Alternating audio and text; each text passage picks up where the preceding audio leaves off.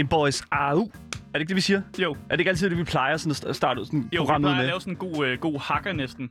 Sådan en Det- god chant. Er det ikke sådan blevet vores... humør? Jamen, det, jeg Jo. føler sådan lidt blevet vores sådan in-house, sådan, hvad kan man sige, øh, call, eller hvad Ja. siger man? Ja. Au! Altså, det har været vildere nogle gange. Nogle gange så hopper vi op og ned ad væggen, sådan, sådan at øh, folk, der kigger ind i studiet, de ser bare Asger, der sidder oppe i loftet på et tidspunkt. Det er ikke PewDiePie, det her, så det, er ikke- det, det, det tror jeg sgu ikke på. Nej, anyways. For, for lige hurtigt, og sådan at etablere sådan, øh, hvad kan man sige, magtforholdet, så, øh, hvad hedder det nu, øh, så er vi jo Gameboys. Ja. Du og jeg, Asger. Vi er jo Gameboys, og det kommer vi til at være for resten, øh, resten af vores liv, tror jeg. Resten af livet. Vi kan ikke lave om Åh, på det. nej. Så, øh, men hvis det er, at I, øh, jer der lytter med, ikke sådan er helt bekendt med, hvad lige præcis Gameboys det er, jamen så lad mig forklare det. Vi er Spilmagasinet, som der hver uge butter op for spilkulturens strabasser. Det betyder spilanmeldelser, nyheder, gøjl, interviews og et virvar af anbefalinger på de platforme, som du typisk benytter dig af hver dag som gamer. Mit navn det er Daniel, Og mit navn det er Asker, og i løbet af den næste times tid vil vi, de to Gameboys, give dig de nyeste historier fra industrien, såvel som nye udgivelser fra store og små udviklere. I får vores ærlige holdninger til tingene, så intet filter eller embargo imellem os og jer lyttere derude. Ja. Fordi i dag, der har vi fandme, og jeg- nu banner jeg. Fandme? Jeg, jeg siger fandme noget af et program op til jer. Fordi vi har nemlig endnu en gang inviteret en gæst i studiet. Øh, og i dag så skal vi snakke med Elias Elliot, som er kendt som den, jeg vil lige vil sige den bedre halvdel, men det, det tror jeg ikke, jeg må. Den bedre du halvdel? Den Hold ene halvdel. Den, undskyld, den ene halvdel af han duo. jeg er så ked af det. Øh, som er en podcast, der, der primært snakker om øh, film, serier og spil. Men også en, øh, en podcast, som har gjort sig sådan gældende på en scene, og har sådan lidt øh, leget med formatet på, hvad, hvad en podcast egentlig er. Øh, og Elias Elliot har også brugt sin øh, stemme til andre ting end en podcast. Han har for eksempel dobbelt tegnefilm. Ja! Øh, ja, ja, Virkelig dårligt eksempel, men ja. Ja, og været øh, live speaker på DR2. Øh, Ja. Og så har han også været ham, der har fået øh, filmen The Room til Danmark. Øh, hvilket jeg er rigtig glad over. At han har fået den kultklassiker øh, til Danmark, som jeg har set mange gange. Øh, men den titel, som nok passer bedst til Elias, det er vel egentlig nok øh, Ybernørd. Ybernørd. Det må du gerne kalde mig. Jeg vil hellere kalde Sten, jeg vil kalde ekspert. Det, Og Jeg har, jeg har lige, der, der, er sådan mange medier, der rigtig gerne vil hive nogle gæster ind, eller nogle udtalelser, og så kalder dem ekspert. Ligesom for, mm. at de skal retfærdiggøre, at de hedder dem ind. Og det sætter bare en eller anden sindssyg forventning på, som jeg ikke bryder mig om. Så ybernørd, det er perfekt. allerede det og meget mere, det er det, der skal ske i dagens program. Velkommen til programmet, Elias Elliot. Tak.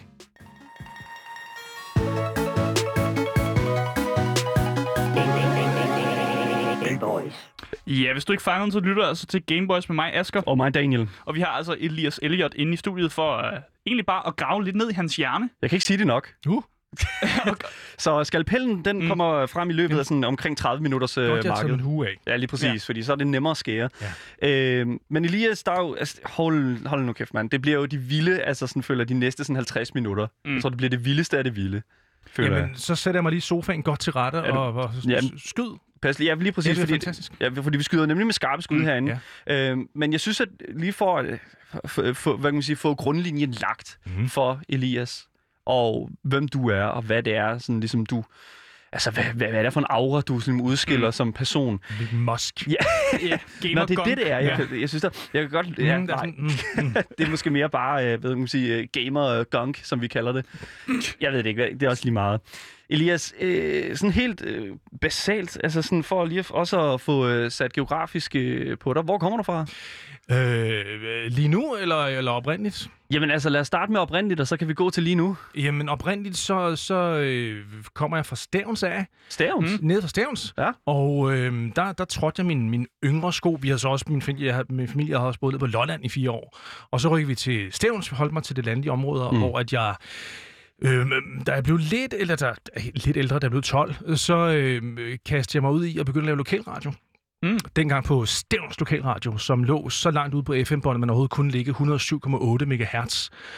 Der var der nogle radioer dengang, der ikke kunne tage den, fordi de kunne komme så langt op. Og det var simpelthen en, en, en frihed at være der, fordi jeg sammen med en, med med en god ven, jeg havde dengang, lavede vi sådan et, et ungdomsprogram hver anden uge. Mm. Og dem, der havde radioen, de, de skulle bare have fyldt noget ud. Så de sagde, I laver, hvad I vil.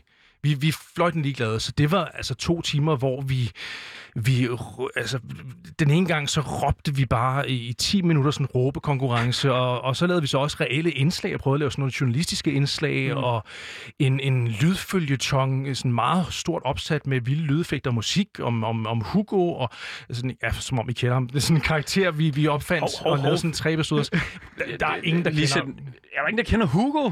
Ja. Skærmtrollen Hugo? Nej, det var ikke skærmtrollen Hugo. Nå, okay. Nå. Hugo Pis. var, var en sådan lettere handicappet, meget, meget politisk ukorrekt en, som elskede øh, duften af hundelorte. Og Ja, okay, vi kender Det er ikke der, Hugo. Vi er. Nej, I kender ikke Hugo.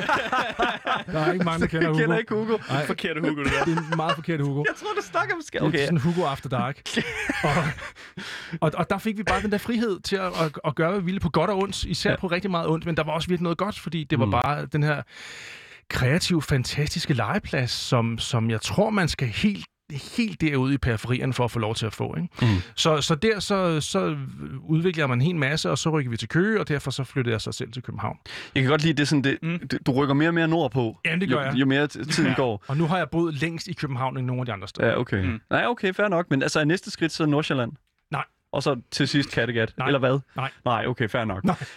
Jeg tror bare, jeg, jeg var meget interesseret i, fordi så, altså, karrieren, den er jo så startet med Stævns lokalradio. Jamen, det har den. Og, og det er jo sjovt, når jeg sådan set tilbage på, jamen, det er jo, en- jo ja, ja, karriere. Mm. Og grunden til, at jeg ligesom trækker på det, det er fordi, at det har aldrig været sådan en, en, en super planlagt karriere. Øh, jeg havde i, i mange år, der, der var jeg overbevist om, at jeg skulle være skuespiller. Mm. Og det var sådan mit mål. Og der var intet andet, der var plads til. Jo, jeg elskede stadig at lave lidt radio og spikke nogle reklamer og sådan noget imellem, men det var bare skuespillet, jeg skulle, og det var det eneste, jeg ville. Mm. Mm. Og så kom jeg til et punkt, hvor at, øh, for snart en del år siden, at, at så mistede jeg ligesom det der, øh, den der krampagtige holden fast i, at det var kun det, jeg ville med mit liv. Mm. Den forsvandt, og så stod jeg sådan, lidt, "Nå, hvad fanden skal jeg nu lave? Og så blev jeg så øh, lidt af omvej øh, gjort opmærksom på, at de søgte en speaker til DR2. Og så Mm. tænker jeg, fedt, det prøver jeg altid godt kunne lide at arbejde med min stemme. Mm. Og så fik jeg det. Sådan meget overraskende. Og, og var der i 12 år. Mm. Og så begyndte jeg samtidig også at doppe en masse tegnefilm, og holde mig så derved lidt i skuespillet. Og så, Altså, og så ja, undskyld. Jamen, jeg var, jeg var meget interesseret i, altså, hvordan får man den speakerrolle? Du sender bare lydfiler i, eller hvordan? Ja, men altså, det er jo, det er jo altså meget internt, ikke? Fordi jeg, jeg kender en af mine rigtig gode venner, er gode venner med en, der er fast speaker på DR1, Mm som derigennem havde sagt, at de søgte på DR2, og så fandt jeg så ud af, hvem skal jeg kontakte, og så kontaktede jeg chefen og sagde, hey, I skal bruge mig. Og så havde jeg så et par lydfiler, jeg sendte og røg til en casting, og så, og så fik jeg det.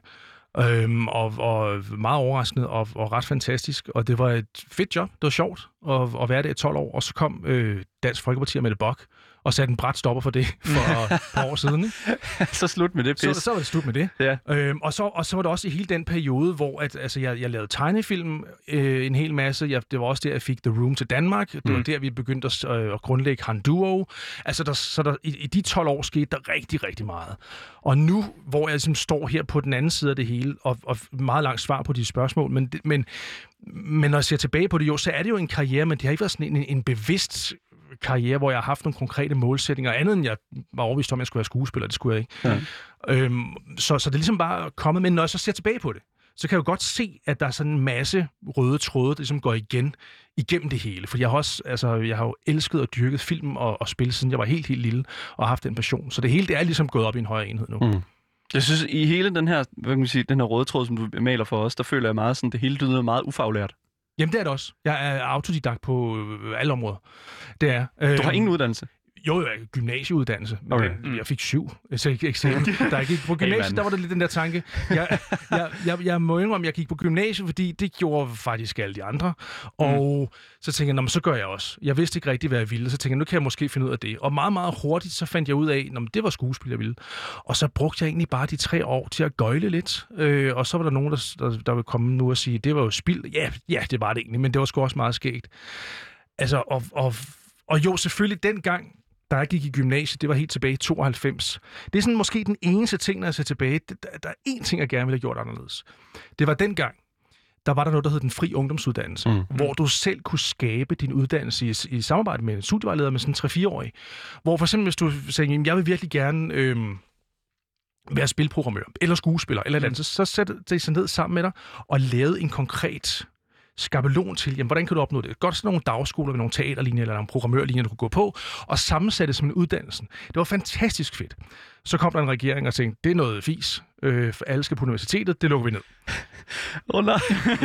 og det er bare sådan, hele det format, du, som du taler om her, der indtræder på det her tidspunkt, mm. det er jo det format, som jeg føler har bare har siddet fucking på mine skuldre derefter, og bare fucking prøvet at klemme mig ind igennem hele den sådan lille bitte kanyleåbning, der er der. Ja. Og altså, fuck man, et eller andet sted. Nu siger du jo godt nok, at hele det der teaterhalløj der, altså i forhold til, fordi altså, både Asger og jeg selv har jo, mm. har, har jo dyppet vores tæer i teater, altså Asger er øh, aktuel i Ballerup øh, mm. musicalen, hvor øh, at, jeg føler sådan et eller andet sted, sådan, man kan, jeg føler aldrig nogensinde, du kan kigge på et sådan performing, eller sådan performance øh, øje med, eller sådan performance øh, projekt, mm. og sige, at det, altså, det er spildt arbejde. Nej. Fordi jeg føler virkelig, at der er sådan et eller andet, du ligger, du ligger jo der, øh, når du spiller skuespil, altså jeg føler virkelig, at man, man skal lægge 100% af sig selv i det.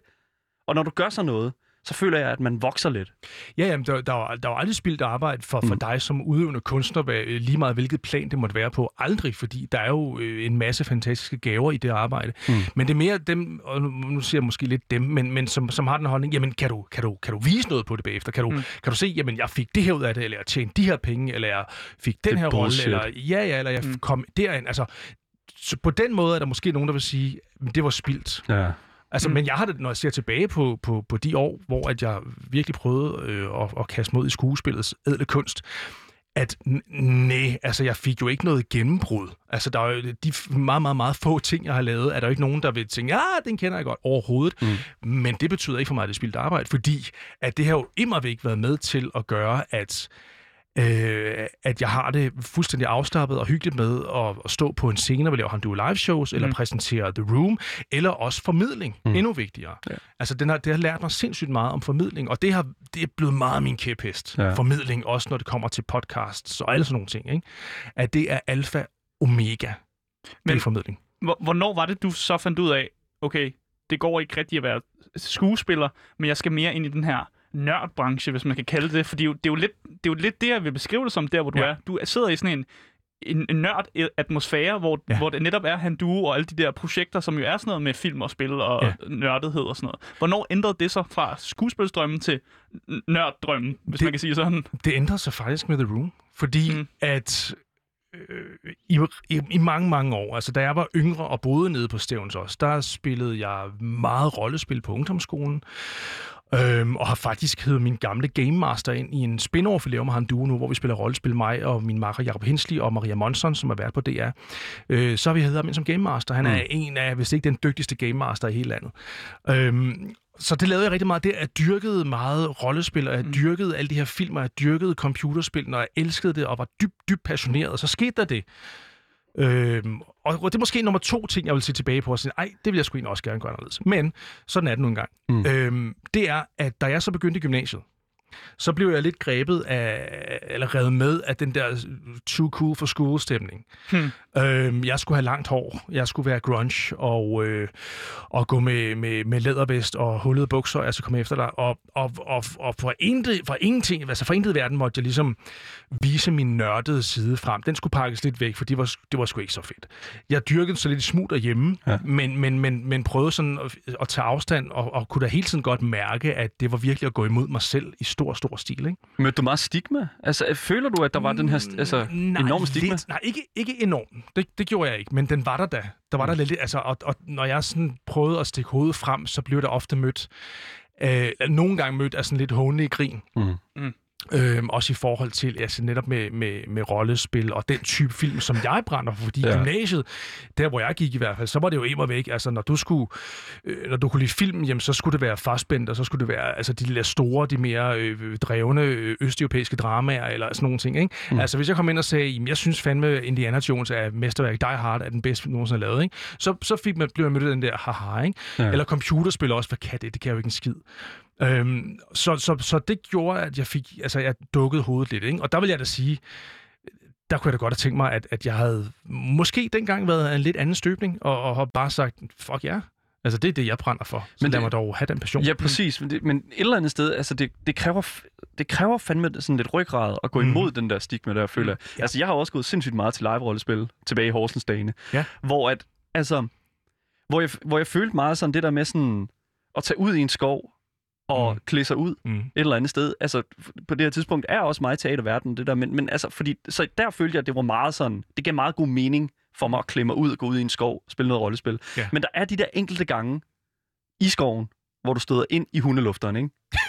og, så, og så er det jo sådan Og lidt, så ikke? mega Og, så, og så bliver det bare brudt. Og så er det bare fuldstændig sådan broken. Ja, Uh, men, ja. men så også igen, ikke? Altså sådan, han griner jo lidt, og jeg griner jo lidt. Ja. Og, og jeg følte meget sådan personligt, at, at de oplevelser og den sådan slags øh, var med til ligesom at, at fortælle mig, fuck det, Mm. fuck, nu er, altså, han er Mm. her, jeg er her, Ja. og vi gør begge to ting, som er Mm. nødvendige for os selv. Han lufter hund, jeg ved ikke, lufter jeg, mig selv. Jeg kan også Ja. fortælle dig, Daniel. Jeg kan fortælle dig, ham eller hende hundelufteren, du har set, kan ikke engang huske, hvem du er. Det er ikke sikkert, fordi at... Øh, Hvem mener, du gør noget vi, vi, dumt? spillede jo, vi spillede jo hver anden søndag. Ikke? Altså, så Og var, sjovt, der kom den samme hundelufter forbi hver gang, hver det søndag. var næsten uhyggeligt, ikke? Jo, jo. Det var faktisk en hundelufter, ville faktisk gerne være med i det fællesskab. prøvede at lugte lidt Ja. til, til det, og så pludselig Ja. så... Men ved du hvad, altså, Mm. jeg, jeg synes hele den... Fordi vi snakker tit om stigma, altså Mm. sådan i forhold til hele den her kultur her. Jeg synes, at...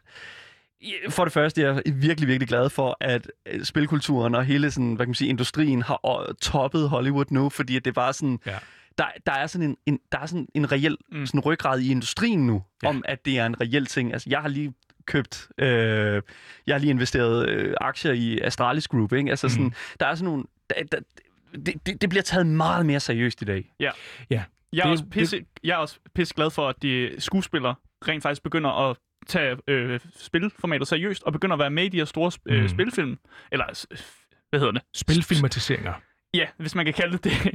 Men for eksempel, at vi nu ser Cyberpunk, der lige er kommet ud. Keanu Reeves er med i det. Nå, ja. Eller vi har haft Mm. Death Stranding, Mads Mikkelsen er med Ja. i det. Altså, vi Kevin har... Spacey, øh, måske et dårligt eksempel, men Ja, alligevel okay. i Call of Duty, ikke? Ja. Men, men det er rigtigt, og, og, det, og det synes jeg er fantastisk. Altså, det er Revenge of the Nerds, ikke? Det er Mm. nørdernes storhedstid. Og det er noget, der gør mig enormt glad. Mm. Det gør mig virkelig glad, at vores generation, øhm, som alligevel spænder nogle år, jeg tror måske jeg er lidt ældre end jer, Mm. øhm, jeg er fra 76, det, altså det, det er jo dem, der, der er vokset op og nu er kommet til magten i underholdningsindustrien. Og det kan vi se, altså at Marvel, der er mange, der har lidt ondt, eller jeg vil sige ondt i røven, som, som brokker sig lidt over, at, at, at hele MCU-universet, det er jo bare blevet en kæmpe maskine og sådan noget. Det kan Mm. godt være, men, men de har eddermame været med til at, s- at, at åbne dørene for hele nørdekulturen. At nørdekulturen er gået hen og blevet mainstream. Det synes jeg er fedt. For Mm. jeg har heller ikke noget behov for at, at, at, at skulle holde det sådan, nej, det er mit. Det er kun mit kultur, det her. Det er der ikke andre, der må opleve at dele, fordi ja, jamen, men det du har, som er dit, det har du stadigvæk. Altså, og, og, og, og, og der er jo mange ekstreme nischer inden for hele nørdekulturen, som stadig bliver dyrket, som aldrig vil komme hen til mainstream, men at, at det er blevet så accepteret, så at når der går øh, øh, med far for at blive lidt rørstrømsk eller melankolsk, når der så går øh, den, den unge Elias, som er vokset op med de her ting, og som lidt står i samme situation, som jeg gør måske, og tænker, ah, jeg dukker hovedet lidt, så tror jeg, at det er lettere i dag at sige, pff, jamen det synes jeg bare er fedt det her. Fordi, altså, det, og det stenede er, altså det der er jo så mærkeligt, og det, det, det kan jeg både grine lidt af og krumtere af, det er jo, når når andre nu prøver at lukrere på, på at nørdekulturen er blevet så stor, ikke? og så prøver Mm. jeg er også totalt nørd. Jeg er også bare, øh, jeg synes også bare, det er super fedt at game helt vildt. Altså, hvor man tænker, hvad, er det fordi, at du synes det, eller er det fordi, at nu er det ligesom blevet en ting, som du prøver at hoppe med på? Og det Ja. er med med syret. Mm. Altså, det Ja. havde jeg aldrig troet, at hele nørdekulturen ville komme til det punkt. Men jeg, jeg føler jo også et eller andet sted, sådan, at det sparker sådan en lille smule til sådan det der gatekeeping. Altså sådan det der med, fordi Mhm. at, at vi, vi vil jo gerne, altså hvad kan man sige, kulturen i sig selv, synes jeg, er indbydende nok til at, sådan at lukke folk ind. Mm. Mm. Men der står alligevel folk af og til Ja, for fanden. ved den der dør der og siger, spiller du ikke lige kun FIFA? Eller Ja. er det ikke Mm, lige kun ja. din telefon, der ligger spil på? Eller sådan Ja. et eller andet. Altså, Ja, eller du spiller kun på konsol eller sådan noget. Sådan nogle der. ja. ja, det er jo det, tribalism er Ja. også en stor del af det, ikke? Altså sådan Xbox, Playstation. Mm. Altså, ja, der er jo meget fjendskab, men det er der vel i, i, i næsten alle kulturer, tænker jeg, sådan, til en vis grad. Altså, Altså, fodbold, der er det jo bare klub til klub, ikke? det er jo præcis. Og det, altså, og det er det, jeg ved om fodbold. Altså, der, der, der stopper min viden om fodbold. Åh, det er så dejligt. Altså, det er så jeg- dejligt, så skal jeg ikke stå fake, at jeg er interesseret. Nej, jeg... Prøv at høre, jeg har spillet FIFA en gang, og jeg synes, det er flot. Øh, jeg kan ikke finde ud af det. Øh, jeg synes, det er enormt fedt, at, at det er så populært, og der er mange, der elsker det. Øh, Elias Elliot er simpelthen øh, øh, genial gæst, der kommer ind og siger sandhederne. Det er fantastisk, fordi at, altså FIFA, jeg kan også godt se ideen med FIFA, Mm. sådan, da det kom ud, og måske et par år efter, hvad, hvad nu? Altså, jeg føler bare sådan... Man skal jo have de nyeste opdaterede hold. Jamen, det, er jo- det er jo sportsverdens svar på e-spil. Nej, ikke, jo, det er jo sportsspillets svar på Call of Duty. Altså, der kommer hvert år, det er ikke? også rigtigt. Øh, og så meget ændrer det sig heller ikke. Øh, men, men, men det er jo det, jeg så synes, når vi, når, når vi sådan snakker spil, at jeg synes, der er fantastisk, at at det er blevet så stort, eller det har, det har sgu egentlig altid været, altså, men at der er spil til dem, som bare synes, at fodbold er det fedeste i verden, mm. eller dem, der synes, at, at det at have en bondegård er det fedeste i verden, jamen mm. så kan du farming simulator, så kan du sidde og have en fucking bondegård. Ja. Altså, eller at, at bygge rutsjebaner. Altså, alle mm. de der nischer eksisterer jo også inden for, inden for computerspillenes verden, og mm. det synes jeg er super fedt. Ja. Der er bare ting, som jeg bare ikke kan være altså, entusiastisk over. Ja, ja, ja, for pokker da. Men altså, jeg, jeg, har prøvet Farming. Simulator Nej, det kan skal jeg ikke. jeg ikke. jeg har prøvet at spille Farming Simulator i kvarter. Ja. Det er noget af det mest stenede, jeg nogensinde har spillet. Men jeg, jeg anerkender og, og respekterer, at der er nogen, der synes, det er det fedeste. Jeg kan godt se, at det der er jo også det mest afstressende i hele verden, mm. At køre rundt med sin traktor og skal vende den i real time, Ja. altså, og så og pløje marken i real time. Ikke? Ja. Mm. Det er altså det nærmer vi jo sådan noget, noget bundegårds meditation. Ja. Altså, det er jo også Altså, det vil aldrig, jeg ja. vil aldrig finde det mediterende, tror jeg. Men jeg er også mest sådan en, der godt kan lide at spille Doom. Men altså, du, jeg skal du have er mere heavy- til boksebolden, synes Jamen, jeg skal have noget heavy metal, og så skal jeg slice en dæmon over. Ja. Og så er jeg glad. Mm. Jeg, det der Farming Simulator, det tror jeg sgu heller ikke kommer... Det, det kommer jeg sgu heller ikke omkring. Altså, jeg har det jo sådan, at, at, at bilspil siger mig intet på nær. Sådan arcade-racer, synes jeg er mega fede. Men, men hvis et bil, hvis et, et racerspil ikke har det element, at man kan smadre hinanden, eller skyde hinanden, pointen så, så? så, så, så keder jeg mig sådan lidt. Ja. Så sådan, det gider jeg ikke. Jeg vil, have, jeg vil have noget blur, jeg vil have split second, jeg vil have burnout. Mm. Altså, det, yeah. alt det andet der, det, det, det... Og der igen, jamen fedt, det, det er der nogen, der dyrker. Øh, jeg er mere til det her, ikke? Mm. Så der er plads til alle. Og jeg- jeg vil også sige, altså det er også det sådan, ja, føler du dig heldig, Elias? Altså det, jeg, jeg tænker sådan lidt, du kommer fra et, altså du kommer fra et udgangspunkt, hvor det er sådan, åh, det har været sådan en lille smule skamfuldt, det har måske været en lille smule Mm. sådan latterligt gjort. Og nu sidder du her, der hvor du er nu. Ja. Med det, de kollegaer, du har. Føler du dig heldig? Ja, det gør jeg. Øh, når jeg husker at stoppe op og sætte pris på det, så, så gør jeg virkelig, virkelig heldig. Øh, og også lidt nervøs nogle gange, for jeg tænker, åh, hvornår stopper det? Altså, det, og det tror jeg som, måske sådan en... Jeg ved sgu ikke, om det bare sådan en grundlæggende øh, øh, øh, selvværdsproblem eller sådan noget. generel Altså, angst, Ja, altså. lidt ikke angst over, Ja. ja. nu, nu har jeg det, nu mister jeg det. Ja. I stedet for bare at elske og nyde det, når jeg har det. Ikke? Men, og, men det gør jeg også. Mm. Og, så, og jo, for fanden, jeg er heldig, at jeg får penge for det her. Fordi at jeg, altså med, med, med podcasten Han Duo, der er det jo, der er der jo ikke nogen redaktør, der står og siger til mig og Jakob, hvad vi skal lave, hvad vi skal tage os af. Altså, vi har lavet den snart til april, har vi syv års jubilæum. Mm. Og, og det er kun mig og ham, der Mm. finder ud af, hvad vi vil have med, fordi det er det, vi, der tænder et eller andet i os, som vi tager os af. Intet andet. Mm. Det er det, der er drivkraften, og det er en kæmpe gave. Og så er jeg også begyndt at arbejde for, for Coolshop, hvor øh, internetside, hvor at jeg er- er blevet hyret ind, hyret ind til at være mig. Og det vil sige, at jeg laver anmeldelser, jeg laver unboxing, jeg laver, øh, jeg, de har givet mig en YouTube-kanal kanal i en alder af 44, øhm, og, og, og, og, og, og fortæller om, om det, jeg synes er fedt, altså laver videoer og fortæller historien om Waterworld, eller Die Hard, eller Super Mario, og sådan nogle ting. Mm. Og jeg elsker det. Altså, jeg boldrer mig jo rundt i det, der jo er min passion, og især efter jeg er blevet far, jeg har to børn, er det en endnu større gave. Ja. Fordi så får jeg lov til at lave det her på arbejde, øh, fordi derhjemme der er så ikke ikke så meget tid Mm. til at dyrke de ting. Så det får jeg lov til at dyrke her, og det er en kæmpe gave. Så jo, jeg er enormt heldig. Så jeg, jeg, kom, jeg kom sådan til at tænke på, fordi nu, du, du, du opremser jo alle de her ting her, som, som, som dit arbejde indeholder. Mm. Og frygten for ligesom at miste det, jeg ved, altså, jeg tænker sådan lidt, altså, som Elias, som Elias Elliot, hvordan beholder man det? Øh, jeg har en pistol i skuffen. Åh oh, nej. I, i, i, og, i øh, bæltet? og, og, og nogle, nogle virkelig skumle nøgenbilleder af nogle personer, som ikke have dem frem. Nej, altså, God damn, dude. Holy shit. øhm, og så har jeg en gimp nede i kælderen. Men... Nå, men det, er det, det, det, det, det, er et rigtig godt spørgsmål. Hvordan beholder. Jeg, jeg, jeg, jeg gør bare det bedste, jeg kan i det. Og, og håber, at det er fedt, og at folk synes, det er fedt. Og Mm. at, at, altså, det er jo det, når man laver det her, som jeg laver, og, og, og også med det her program, som I laver, jamen det eksisterer jo i kraft af, at der er nogle modtagere Mm. af det. Og hvis de ikke var der, jamen, pff, så kan du stille op på, gå ind i en, en stor park og bare stå og råbe ud fra en bakke. Altså, det vil være det samme, ikke? Mm. Al- altså, der skal, jo, der skal være nogle modtagere, og, og, og så længe, at de er der, så, så håber jeg da, at jeg kan få lov til at lave det, og det er jo enormt privilegeret. Mm. Og, det, og det er jo også noget, der rammer mig helt vildt. Altså, også, altså, jeg synes jo også, det er enormt syret at, at, at komme herind i det her program og snakke om mig og det, jeg laver, og, og som I så sødt siger, min karriere og alle mm. det her ting. Fordi øh, jeg ser ikke selv på det på den måde. Altså, jeg, det er jo bare det, jeg gør og har Mm. gjort. Og så har jeg været enormt heldig med det og fået nogle fede muligheder. Ja. Øhm, men når vi så også, øh, både med det, jeg laver med Kultur, men i særdeleshed med Han Duo, får de tilkendegivelser fra lytterne, Mm. om hvor meget det betyder for dem, og vi opdager, hvor, hvor, hvor dedikerede de er. Altså, det er helt vildt Mm. at opleve det. Og, og, og, og enormt, altså jeg er igen enormt privilegeret, og jeg bliver sådan meget ydmyg over det også, når vi laver nogle live shows. Altså folk kommer, og vi havde for noget, øh, jeg tror det var sidste live show, vi lavede, vi lavede som jo er ved at være meget, meget lang tid siden nu, efter før coronaen. Der var der en, øh, en, en fyr på 13, tror jeg, som var rejst fra Aarhus til København, Mm. mm. bare for at se det live show. Ikke? Og, og det var helt vildt. Altså, mm. det var sådan helt, wow. Altså, et eller andet sted, så tænker jeg, "Men hvorfor? Ja. Altså, og, og, og jeg har da stadig lidt den der nogle gange, jamen, hvorfor? Jeg synes, det er så fedt, og jeg elsker, at folk kommer. Jeg elsker, at folk hører det. Og så samtidig også den der lille... Jeg ved ikke, om det er en djævel på skulderen, eller hvad det er, der siger, jamen, hvorfor? Ja. Altså, Mm. mm. hvor, hvorfor synes I, det er fedt at høre på mig?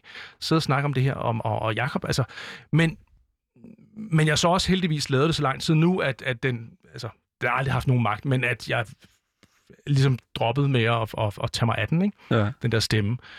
Øhm, men, men, øhm, men ja, jeg tror, det er det, jeg siger. Det er jo i kraft af, at der er modtager på. Og Mm. det er jo noget, vi har været enormt heldige med ved Han Duo, at vi havde en idé om, at, at da vi ville lave den podcast i tidernes morgen, at der skulle det være et alternativ til Troldspejlet, som både Jakob og jeg og rigtig mange andre er vokset op med og Mm. har dyrket. Øh, jeg var med helt fra starten af dengang, og, øh, og, og har bet- har betydet, og Stikkelmann og Troldspejlet har betydet sindssygt meget for mig. Ja. Men på det her tidspunkt, da vi, da vi gik og snakkede om at lave Han Duo, som nu må være omkring 8 år siden, der var det også fordi, vi manglede den formidling, som Stikkelmann lavede med Troldspejlet, bare i voksenhøjde, altså Mm. til dem, som er i vores aldersgruppe. Mm. Og fordi at der var en tendens, den bliver bedre, den er der stadig en gang imellem, men der var en tendens til, at, at hele den kultur, som vi dyrkede og dyrker, den blev der virkelig set ned på og rynket på næsen af i sådan de mere etablerede medier, især spilkultur, men også genrefilm og sådan noget. Og der ville vi skulle lave en formidling, som var oprigtigt passioneret, og var nogen, der ikke har brug for at, at lige tage en ironisk distance til det her, men, men går ind og dyrker det og anmelder det og omtaler det på dens egne præmisser som fans og som folk, der godt kan lide de her ting. Ja. Øhm, og der havde vi sådan begge to en fornemmelse af, at det tror vi godt, der kan være nogle lyttere til. Mm. At der vil kunne være et eller andet. Ikke? Og vi prøvede så også oprindeligt at sælge det til DR som et tv-program først, og så sagde de nej tak. Og så, så var vi sådan lidt, "Nå, men så laver vi det bare som podcast. Ja. Og så tror jeg, at, at øh, inden, for, inden for et par måneder, så var vi i lyttertal der, hvor jeg havde håbet på, at vi ville måske være i nærheden af at være øh, et år efter. At det gik meget stærkt med, at vi opdagede, at, at, at hold da op, der har vi virkelig ramt en niche eller, eller, eller et, et hul i markedet, som der er mange, der er gået og hungret efter. Mm. Øhm, og og det, var, det var fedt. Virkelig fedt at opleve. Det må da også et eller andet sted være sindssygt fyldskørende et eller andet sted, at kunne sådan se, der er et hul her. Og så var Sæt det i vandet, og så bare se, at det rammer. Helt vildt, fordi det er jo, det er jo, øh, det er jo en, en, det er jo en erkendelse af, at vi havde, altså, at vi havde fat i noget, ikke? og at, at, øhm, at, at det vi kunne se, at der, der, der var et eller andet her, at det faktisk viste sig at være rigtigt. For mm. der Mm. var mange, der også på det tidspunkt var sådan, altså også med det afsted, vi fik sådan, ah, det er ikke rigtig noget, og det er der sgu ikke rigtig folk til. Og anmelder, anmelderformatet er dødt, Mm. var en, vi helt konkret fik kastet i hovedet. Ikke? Og det var bare enormt rart at kunne modbevise det på Ja. den måde, som vi så har gjort. Men jeg, jeg, jeg tror også, at langt hen ad vejen, at der var sgu ikke nogen, der kunne forudse, at for det første, at spilindustrien ville tage den her retning, altså hele spilkulturen ville skyde så meget vejret, og at folk ville være så interesseret i at følge med. Men Mm. også igen, det er jo også den teknologiske tidsalder. Altså, nu kalder vi jo også øh, Jakob Stelman som sådan, altså nørkulturens godfather, Ja. egentlig. The Godfather i Ja. Danmark. Ja. Altså, hvad, hvad, hvad vil du sige, I er? Er I så, er I så nummer oh, to, eller er I så det? det, det, sådan- tør, jeg- det, tør, jeg- det vil jeg lade andre om at, at, øh, at vurdere. Ja. Så I ser ikke selv som sådan den naturlige toer til Troldspejlet, efter at man har set Troldspejlet og lyttet til det, eller? Du, an, du omtalte det selv som et, altså et, an, et jamen, alternativ. Det var, jamen, det var det jo, og, og nu har Stikkelmann jo øh, lavet lidt, altså jeg vil ikke sige det samme, men han er jo netop også, fordi han, de jo også kunne se, at hey, dem, der vokser op med troldspil, er blevet voksne, så de Mm. har også lavet en troldspejlsudgave, som er mere øh, minded mod dem i vores aldergruppe, Ja. ja. ikke? aldersgruppe. Altså, det er i Og- hvert fald blevet rebootet, det er helt sikkert. Jamen, det er det, og jeg vil sige, jeg, jeg ved det sgu ikke, altså... Øh, øh, øh, Åh, det er et svært spørgsmål. Det, det, det, det, det er lidt op til andre at vurdere mm. End os. Vi bliver bare ved med at lave det, fordi vi synes, det er fedt. Og så og vil jeg sige, at vi bringer noget andet på bordet, end, end Stegelmann gør. Og, det, Mm. og vi har en anden energi og en anden tilgang Mm. øh, til, til at behandle de emner, som vi, som vi gør. Ikke? Ja. Ja, Så- så, en helt anden energi. Altså, I kan sidde i fire og en halv time og snakke, snakke om Last of Us. Det er en helt anden energi end noget, som Jacob Steinmann nogensinde ville kunne gøre. Øhm, men, jeg men, elsker Stegelmann. Ja, ja, Ja. Stikkelmann, Stikkelmann, ja. ja. Stikkelmann har jo altså 100% den der, sådan, vi siger jo selv Godfather, Mm. men det er også den der, sådan, jeg har jo i lang tid, altså, jeg har jo, han er jo blevet omtalt mange gange som den her person, som har den, den første til at se nørderne i øjenhøjde fra Ja, ja. et, et, ja. et normaliseret medie øh, igennem ja. flow. Og, altså, og der har jeg det bare sådan, det giver, den skal han skulle have et eller andet sted, Det ikke? skal Altså, han. det skal han fandme. Og, og, altså, da jeg voksede op, jeg tror, Troldspejlet startede i, hvad har det været, 4, 80, 85? Ja. Deromkring. Mm. Mm. Måske lidt før endda. Lige Øhm, omkring, øh, lige omkring øh, da det første Doom-spil kom ud, Ja. ved jeg. fordi det, det siger min nørdhjerne mig, fordi jeg ved meget om Doom. Så den siger lige da Doom kom ud, jeg er ret sikker på, at Stelman lavede en episode om nemlig Doom. Jamen, der det havde det været i gang ud. ret lang tid. Var, var det Ja, det inden murens Det var- fald? Ja, det, mur, ja, det var inden murens fald. øhm, og, og det var 80'erne. Og, og det, der var så vildt for mig at opleve, det var, at der sad en voksen mand. Mm. På det tidspunkt var han stadig meget ung. Men alligevel i mine øjne var han jo en gammel mand. øh, fordi jeg var meget ung. Ja. og, og sidder og formidler de her ting til mig. Mm. Med samme passion, som jeg har. Det var altså mindblowing, fordi det havde jeg overhovedet ikke oplevet før. Nej. På nogen måde. Og det var fedt, og det var vildt. Altså, så han har haft en, en, en uudslættelig indflydelse på, på generationer øh, af nørder i Danmark. Altså, og, og været garant for at sige, det her, det er okay. Ja. Altså, og, og han har jo fået lov til at lave det på DR så lang tid. Og han så jo også et, et, et hul dengang. Han så også et, et, et, en mulighed i, at der var nogen, som dyrkede det her, og det var i forbindelse med, at Star Wars begyndte at virkelig at rumle ud. Ikke? Han sagde, mm. der, er, der er noget her. Der er, der er en gruppe, som gerne vil høre om det her, og så fik han lov til at lave det, og så viste det sig, at han havde ret.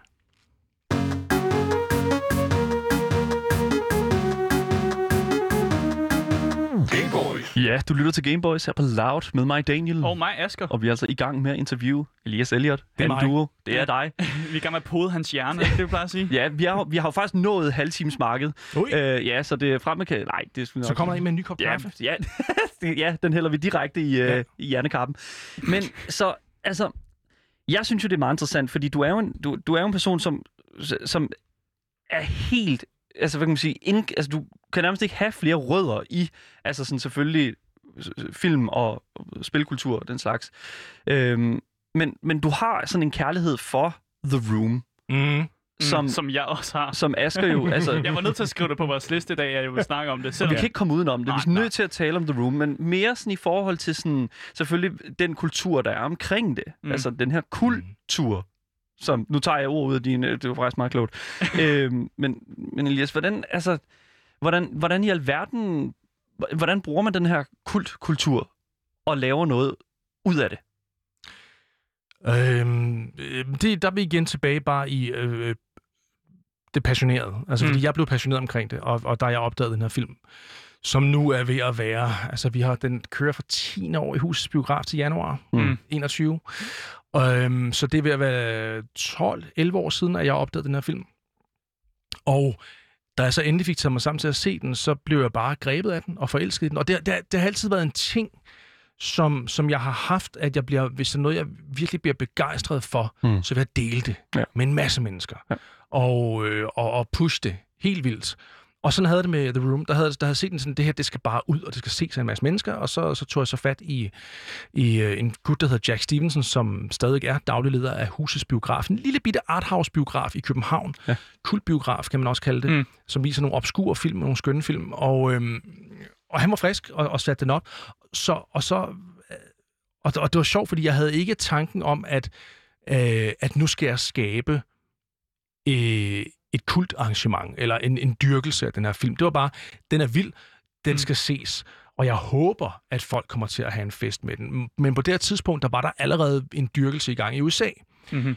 og, og, det, var, og det lå lige til højre benet at gå ind og sige til dem, der ikke kender The Room, meget, meget, meget kort, Øh, man skal altid lige kontekstualisere. Ja. øh, det er en, det er en, lavet som en seriøs drama tilbage i 2003. Den her fyr, der hedder Tommy Wiseau, som ligner en blanding mellem øh, Dracula og Fabio og, og, og, Ej, og han en er tidlig Schwarzenegger. all-American guy jo. Jamen, det er han nemlig, påstår han. øh, som er det her kærlighedstrækant, som han selv har skrevet og instrueret og spillet hovedrollen i og produceret, og så kommer efter, og det er, det er den vildeste film, du, du nogensinde har set, fordi mm. den, den, den, den fejler på alle punkter, øh, og det er ret underholdende og meget, meget, meget fascinerende at se den her film. Mm. Og den er altså blevet dyrket af et stort publikum i mange år nu, har fået en, en filmatisering, som vi måske også kommer ind på, øhm, eller en Hollywood-film. Mm. Det er Men- Disaster Artist, hedder Lige- Hollywood-filmen, ja. lige præcis baseret på bogen af samme navn. Og da jeg så fik den til Danmark, der var der stadig den her dyrkelse i USA, og, der, og det er der, vil sige, der, der, var det, der lå det til højre benet at tage de ritualer, som også blev brugt i USA. Altså, mm. der er sådan noget med, at man kaster nogle plastikskæver under bestemte områder i- filmen. Ligesom Rocky Horror Picture Show, for dem, der måtte kende det, den film. Øhm, og, og, og der er en masse ting, man råber og sådan noget. Og jeg fik faktisk også tilsendt fra øh, Tommy Wiseau selv, der, da jeg skulle sætte den op, en liste, som han synes, jeg skulle øh, give til folk og sende på forhånd, så de vidste, hvad de skulle gøre. Men der er sådan lidt, nej, det vil jeg ikke. Jeg vil ikke diktere, hvad folk skal gøre. Det skal opstå af sig selv. Mm. Øhm, og, og, og, og jeg antog, at jamen, dem, der kender til det, de skal nok gøre det. Det eneste, vi selv bragte med ind, det er, at vi laver pudekamp på et tidspunkt. Det er sådan vores danske touch til den film. Ikke? Øhm, og, så, og der var det også ret hurtigt, at, øhm, at, at det ramte mig... Altså, det var, det var det første gang i mit liv, at jeg har skabt noget, som lige pludselig var øh, øh, eventet i Mm. byen. Altså, der var ikke, ikke andet, man skulle i den weekend. Altså, det var, the, the, for at bruge et virkelig klamt udtryk, the hot ticket in town, øhm, viste sig, fordi at det var så flippet, øhm, at jeg havde bare sat den op, og så skrevet pressemeddelelse, og det var så julen... Åh, hvor er vi henne nu? Det må være julen... Hvad, hvad er det? Omkring øh, 11. Omkring 11, julen ja. 11. Øhm, nej, julen 10. 10 var det, måske, fordi det, var, okay. det, var januar, Undskyld. det var januar 1, øh, 2001, at vi satte den op. Nej, 11, hold da kæft, mand. Januar Det- det gør 2011. ikke noget, det er fint. Det er omkring. Nå, det var meget, meget, meget detaljeret. Ja, Men, men så satte jeg øh, pressemeddelelse ud, og verdens dårligste film for Danmarks premiere, og fordi der var så få nyheder, jamen, så kørte alle med det. Mm. Og det gjorde, at den blev udsolgt med det samme. Så satte vi endnu en visning op og skrev en pressemeddelelse. Billetterne bliver revet væk til verdens dårligste film. Så skrev folk om det, så blev billetterne revet væk igen. Mm. Altså, så vi satte sådan fem visninger op på, på fredag og lørdag. Øhm, og, og, og, og der, hvor at jeg fik en mindre nedsmeltning, Altså fordi der var øh, aftenshowet lavet noget om det, og Godmorgen Danmark, og alt muligt Ja. om det. Men der, hvor jeg fik en mindre nedsmeltning, det var på aften. Jeg tror, det var inden jeg skulle ud af døren. Der så jeg så den tidlige tv-avis på DR, og de havde fandme et indslag om, ja, i dag så får verdens dårligste film jo Danmarks premiere. Jeg tænkte bare, what the fuck? Hvad sker der? Altså, Ja. hvad, hvad, hvad? Det er sådan et monster, der bare var sluppet løs og havde fået mm. sit helt eget liv, ikke? Og folk væltede ind, og det var ret vildt at opleve det her. Altså, pludselig gik det bare op for mig sådan, hvad, hvad sker der? Altså, hvad er det, der... Mm. Hvad er det, jeg har sat i gang? Og, og det blev kun vildere og vildere og vildere og vildere derfra. Så, så det var altså fra starten af. Og det var lidt ligesom Han Duo, at, at, at fra starten af, der, der, der var det det, som jeg havde håbet på, det måske kunne være efter et år eller to års Ja. konstante visninger. Ikke? Det skete bare lige fra starten af, og det var ret sindssygt at opleve. Øhm, og det var også fordi, og det er jo ikke fordi, jeg, altså jeg, jeg vil ikke gå hen og tage æren for det sådan udelukkende, fordi der var jo mange, der kendte The Room dengang, Mm. og som bare havde gået og savnet et sted og kom hen og se den og dyrke ja. den med andre. Ikke? Jeg tænker meget sådan i forhold til, som person, der er filmanmelder, som ja. Går ind til en film, som, som med udgangspunkt har fået negative altså anmeldelser, Mm.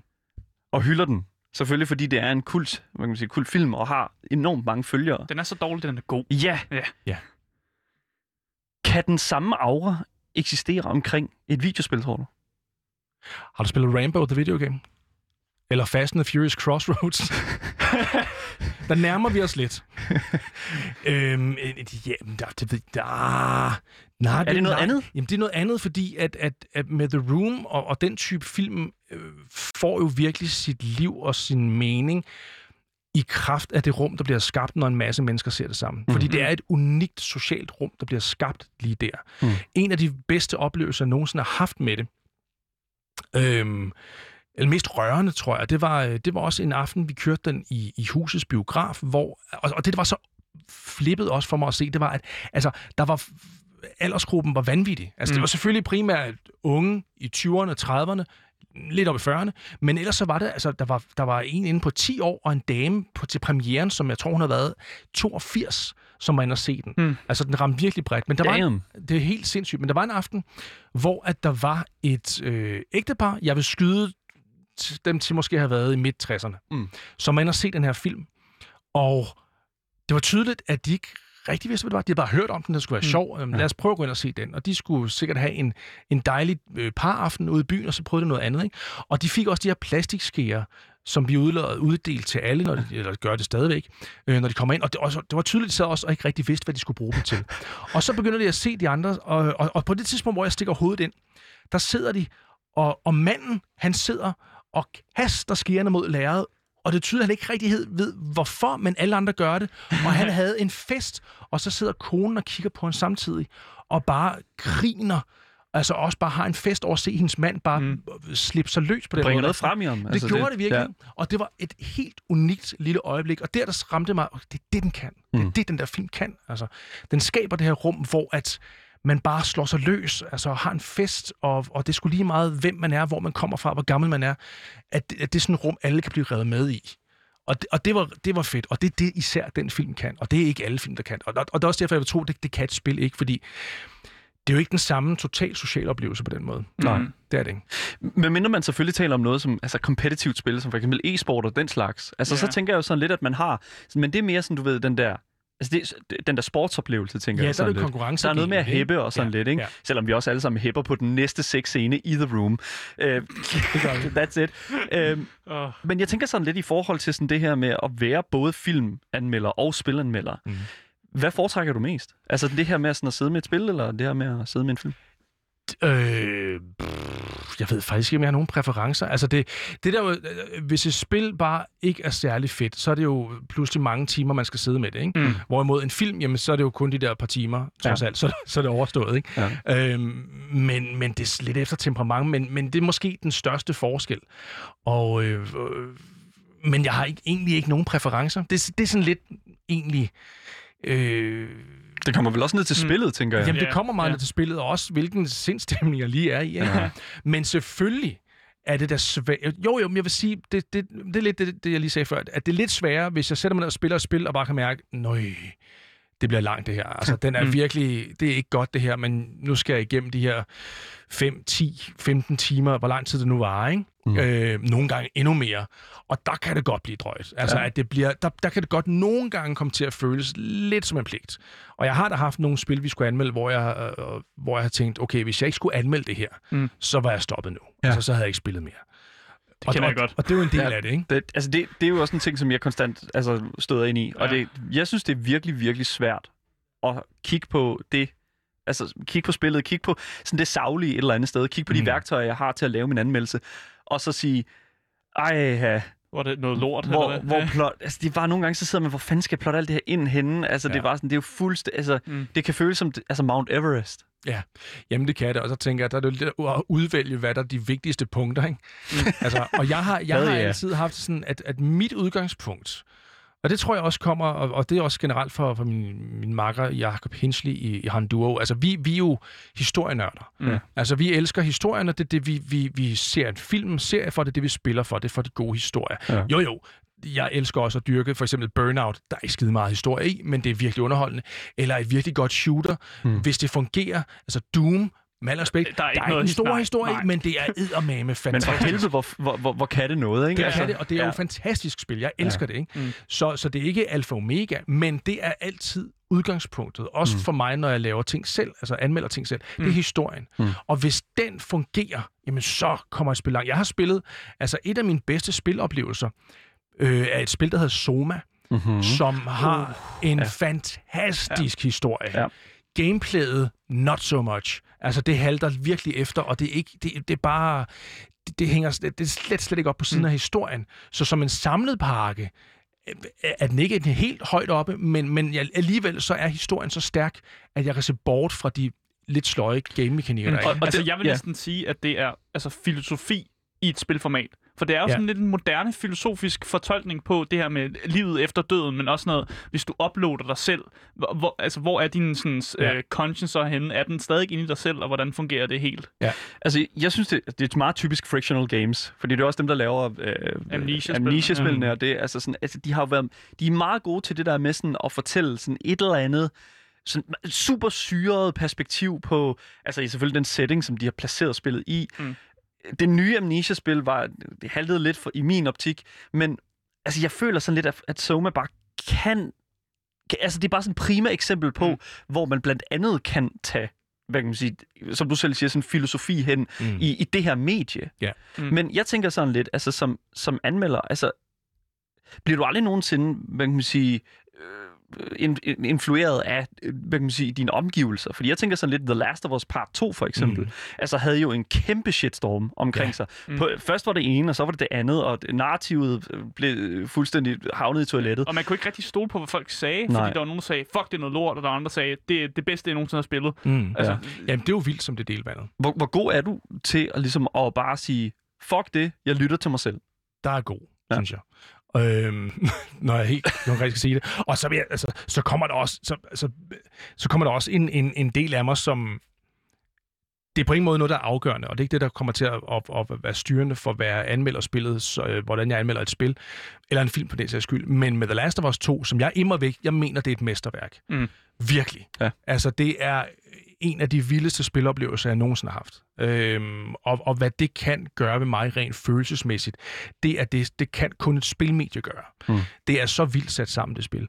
Øhm, så jeg var, jeg var helt, helt på røven over det. Mm. Og så, altså, synes jeg da, at det er endnu federe over for alle dem, der står, især dem, der bare har dybt usaglige argumenter, ikke? Og, og, og som tydeligvis nærmest ikke engang har spillet det, som bare sådan, øh, og jeg vil, ikke, jeg vil ikke afsløre, hvad mange har et problem med, for hvis du ikke har spillet det endnu, så skal du ikke have spoilet, selvom det er meget let at få lang tid siden det, også, ja. det kommer Og det er, hvis man er fast lytter til Gameboy, så er det måske lidt for sent. Så er det for sent. Nå, okay. Men, men, men, men det, og så også, ja, man skal en, en lesbisk i hovedrollen, og rende mig i røv. Alt det der, jeg var sådan, mm. luk, luk din fede røv. øhm, og at, at, at den måde, spillet starter sin historie, er sådan, jamen, hvad skulle de ellers have gjort? Skulle ja. de så bare have lavet en The Last of Us 0,5? Ja. Altså, er det det, I vil have? At, at så, skal, så er der et nyt eventyr med Ellie og Joel? Fint nok, men, mm. og det har sikkert været et godt spil, mm. men, men det her, det viser jo bare, at Naughty Dog har nogle nosser ja, til præcis. virkelig at sige, vi ved da godt, hvad fans vil have, men nu laver vi den her historie, vi brænder for. Mm. Og så må det briste eller bære, ikke? Og det bærer eddermame, synes jeg. Og det er klart, at det, at det deler vandene. Mm. Men det viser også bare igen, at, at folk er passionerede, og så er der nogen, der er idioter. Men der er virkelig mange, der er passionerede. Ikke? Og, der, og, der, og der har det sådan, der kan jeg godt blive nogle gange lidt, der, der synes jeg, det er lidt fedt nogle gange lige at, at tvære det ekstra ud. Altså jeg har lavet, øhm, jeg har anmeldt spillet både til, øh, til Honduras, mm. men også, også Cool Shop. Og ja. også til Cool Shop, hvor jeg lavede en videoanmeldelse ja. øh, som ligger på, på YouTube. Gå ind og se den. Øhm, det er første gang, hvor jeg sådan har prøvet det er også en af de, altså, hvor jeg sådan også har stået alene, men også begyndt at få, jeg vil ikke sige en shitstorm, men hvor der virkelig var nogen, der havde mm. travlt, ikke? Yeah. Og svinede mig lidt til og sådan noget, at du er bare en del af flokken, og you're part of the sheep, og bla bla bla bla, bla. det er fandme ikke et mesterværk, og, uh, ikke? Og det synes jeg bare er fedt. Det, altså, det, altså, det synes jeg Oh my god, hvor er det fedt sagt. altså, Elias, oh my... Jamen, det, nej, men fordi mm. at et eller andet sted, det er bare sådan... Altså, jeg prøver virkelig at være upartisk, men jeg begår mig bare på de steder, hvor der er sådan, at der er meget snak. Mm. mm. Og jeg kan bare ikke lade være med at sådan... Jeg kan ikke lade være med at føle, at der er sådan en en, en konstant sådan rumlen i mig, hvor der er sådan, åh, men, men du skal også lige tage højde for det. Hvad, hvad er det, de siger? Mm. Og jeg er bare sådan, altså, jeg, jeg føler ikke, at jeg kan sætte mig upartisk altså, er til, fordi at, specielt under The Last of Us, fordi at nu var der virkelig ja. så store delte meninger. Og det er bare sådan... Ja, det er lidt den der djævel der igen også, ikke? Mm. Som du snakkede om tidligere. Sådan den der, sådan, der siger sådan... Det, det, det, hvis ikke øh, du også taler dem lidt efter munden, så, så lytter de slet ikke til dig. Mm. Og ja. det er sådan det føler jeg kan være rigtig svært som anmelder et eller andet sted at ja. se, se bort fra. Der er jeg heldigvis pisseglad. altså, men, men det er kommet. Ja. Det, er ikke, det er ikke bare sådan, at det, det er bare letteste i hele verden. Nej, nej, nej. Altså, jeg, jeg har også haft tidligere svært ved det. Og for mig, øh, det, det tror jeg er sådan lidt forskelligt for alle, hvordan man op. Der er nogen, som øh, fra nærmest det bliver født, er ligeglade med, hvad andre mener. Mm. Øh, det er jeg bestemt ikke, og det har altså, og, og igennem min opvækst har jeg bestemt heller ikke været det. Altså også det, vi snakker om tidligere i programmet med, altså øh, øh, min dyrkelse af rollespil og de her ting, begynder sådan at lægge låg på, fordi åh, oh, det var lidt det forkerte, ikke? Mm. Men, men, men jeg tror, at det faktisk, at jeg gjorde det sammen med, at jeg er blevet ældre, og, og er mere... Øh, det er det der det fede ved at blive ældre. Jeg bliver sgu lidt mere ligeglad. Jeg er sgu lidt ligeglad. Mm. Altså, ja, men man siger, når man sådan lige rammer sådan, øh, hvad er det sådan, midt 30 eller sådan et eller andet. Jamen, så begynder Så der, sker så der sker noget. der noget der, ikke? Og det, ja, det er så fedt. Altså, øhm, Jeg glæder mig. Hvis jeg havde været flere år yngre, så havde jeg også øh, sådan, f- frisk klippet mit hår ned, så man ikke kan se de pletter, jeg har. Altså. Men jeg er ligeglad. Og det, og det er lidt det samme med, med spillet, og med os, der anmeldte The Last of Us 2, Mm. at, at jeg var ligeglad med, hvad folk tænkte. Altså, at, øh, og, og sådan har jeg det lidt generelt med, øh, når jeg anmelder ting. Selvfølgelig er der da plads til, at nogen kan komme med nogle gode modargumenter. Mm. Mm. Og selvfølgelig, og det er jo også i forbindelse med, øh, når jeg anmelder sammen med Jakob i Han Duo, ofte så er vi uenige, Mm. mm. og ofte så, øh, og, og, og det er derfor, jeg elsker at lave det her med ham. Jeg synes, han er pisseskarp, og har nogle virkelig, virkelig gode, valide pointer. Mm. Og der er der nogle gange, hvor jeg har en, en øh, kommer med en holdning til en film eller et spil, og så kommer jeg med nogle pointer, som jeg måske ikke lige har set, men det kan jeg godt se, Mm. at det er et problem, Ja. der kan hive det lidt ned. Men så er der jo stadigvæk helt den her med, jo, det er den ene ting, der er nogle helt konkret tekniske ting, man kan tage fat i. Fungerer historien? Fungerer gameplay, hvis vi snakker, øh, når vi snakker spil? Fungerer, øh, hvordan er grafikken? Altså alle de her Mm, ting, ja. fungerer det, spiller det, mm. som er ret enkelt og let at dømme ud fra. Men så er der altså også bare det aspekt, der hedder, ja, men der er sgu også bare et eller andet i den her stil eller stemning, som rammer mig. Måske fordi det klinger ind i et eller andet, jeg har med i min bagage eller et eller andet, men som ikke klinger dig, rammer dig på samme måde. Og det Ja. gør, at jeg er lidt gladere for det her, Ja. end du er. Ikke? Ja. Altså, hvad gør det også for en anmeldelse øh, af dig og Jakob I er uenige? Fordi mig og Daniel, vi er tit uenige, øh, og nogle gange kan det godt blive lidt en råbedyst, nogle gange. Men I virker som om, I har en lidt bedre måde at gå til det. Altså, hvad kan det, at man er uenig om tingene, når man laver en anmeldelse? Jeg synes, det kan give noget troværdighed. Ja. Enormt meget troværdighed. Ja. Og jeg, jeg, jeg, jeg kan bedst lide, når vi er uenige. Og det kan Jakob også. At jeg, kan, jeg, jeg synes, det er så kedeligt, øh, når vi er enige om noget. Ja. Altså, øh, jo, der kan være noget fedt i det, fordi det kan være passioneret egentlig, ikke? At vi dyrker det og bare skaber den her ja-stemning. Hvor er det her fedt, og hvor er det fantastisk. Øh, og andre gange, så bliver det også bare sådan lidt, nå, men det er jo bare fedt. Øh, men, men når vi er uenige, så synes jeg, det er langt federe, fordi så kommer der også nogle, nogle flere nuancer på bordet. Og for mig, så synes jeg også, at det for lytterne bliver lettere at forholde sig lidt til, jamen, altså, hvem, hvem, hvem hælder jeg måske mere til i det her? Eller, okay, de der argumenter kan jeg faktisk godt se, men jeg kan også godt se de argumenter. Man kan, Ja. man, skal, man kan skabe et mere nuanceret billede af det. Men, men altså, så tænker jeg jo sådan et eller andet sted også, fordi at konklusionen er jo tit der, hvor jeg sådan, at, at, at Aske og jeg, vi, sådan, vi går lidt skævt på hinanden. Og det er fordi, at vi har valgt at lave vores anmeldelsessegment, øh, hvor vi for eksempel ikke kommer frem til en karakter. Mm. Og jeg ved ikke, hvad du er mest til, eller hvad I er mest til, i forhold til det her med sådan at lande på en 8 ud af 10, eller øh, lande på en mere sådan, Mm. hvad kan man sige, verbal forklaret konklusion. Ja, vi er meget imod det der med at give øh, nogen, altså Ja. give spilkarakterer. Det er jeg egentlig også. Ja. Øh, men det er bare så let. Det er fucking Altså, let. det er, det er så let at, at, at lande en mening på det. Øh, Jeg tror, information er nærmest det eneste i Danmark, der gør det. Mm. Øh, Christian Mongård, siden han laver filmanmeldelser, der er jo ikke nogen karakter. Mm. Øhm, men, men samtidig for vores vedkommende, så, så gør det jo, at, at vi har et helt konkret holdepunkt. Og også øh, altså det, at, at altså for mig, når jeg på forhånd vi skriver manuskripter til, ikke til alt det, vi siger, men med noter, og Ja. så øh, er der nogle ting, som er skrevet ned, ikke? blandt andet vores konklusioner. Altså, det er jo den, jeg kan se, jamen det her, det er, det er simpelthen magiterningen af det, jeg synes om det her. Så det bliver mit udgangspunkt at snakke om. Ikke? Mm. Og så at det, vi giver en karakter, gør at vi kan give en fælles karakter, ligesom kom, jamen det skulle lidt har en duos holdning til det ja. her. Fedt. Jeg synes, det er mega nice. Oh my god, og vi kunne blive ved. Fandme en part, part 2 og 3. Men øh, I siger bare til. det er live radio, og vi tager dig ind igen, Elias. Der er lyder simpelthen ikke andet at gøre. Øhm, så for lige sådan her super meget til sidst, så vil jeg bare lige høre sådan, hvor kan man høre, hvad du laver, Elias? Og hvad fanden skal der ske? Jamen, der er Handuo selvfølgelig, som ligger i podcast feed. øh, podcast feed. Hvis du lytter til Podimo, så har vi også to spin-offs. Svær Trolddom, de gamle bøger, vi spiller, og så øh, rollespillet øh, Call of Cthulhu. Og så arbejder jeg så også for Coolshop, hvor jeg har en kanal på YouTube. Gå endelig ind og tjek ud. Elias Elliot Powered by Coolshop, hvor jeg unboxer alle mulige sjove ting. Gå ind og tjek ud, abonner og, og like og kommenter det hele. Opfordringen herfra. Elias Elliot, spilanmelder for Cool Shop og Ybernørd. Tak fordi du var med på programmet i dag, mand. Tak fordi jeg måtte komme. Ja, det var altså alt, hvad vi havde på programmet i dag. Og som altid, hvis I har nogle kommentarer til os, eller hvis I sidder inde og brænder ind med spørgsmål til Elias, så kan I sende dem til vores e-mail, som er gameboys eller kontakte Louds egen Instagram-profil, som hedder radio.loud.dk. Dagens program kommer ud som podcast overalt, så længe du søger på det gyldne navn.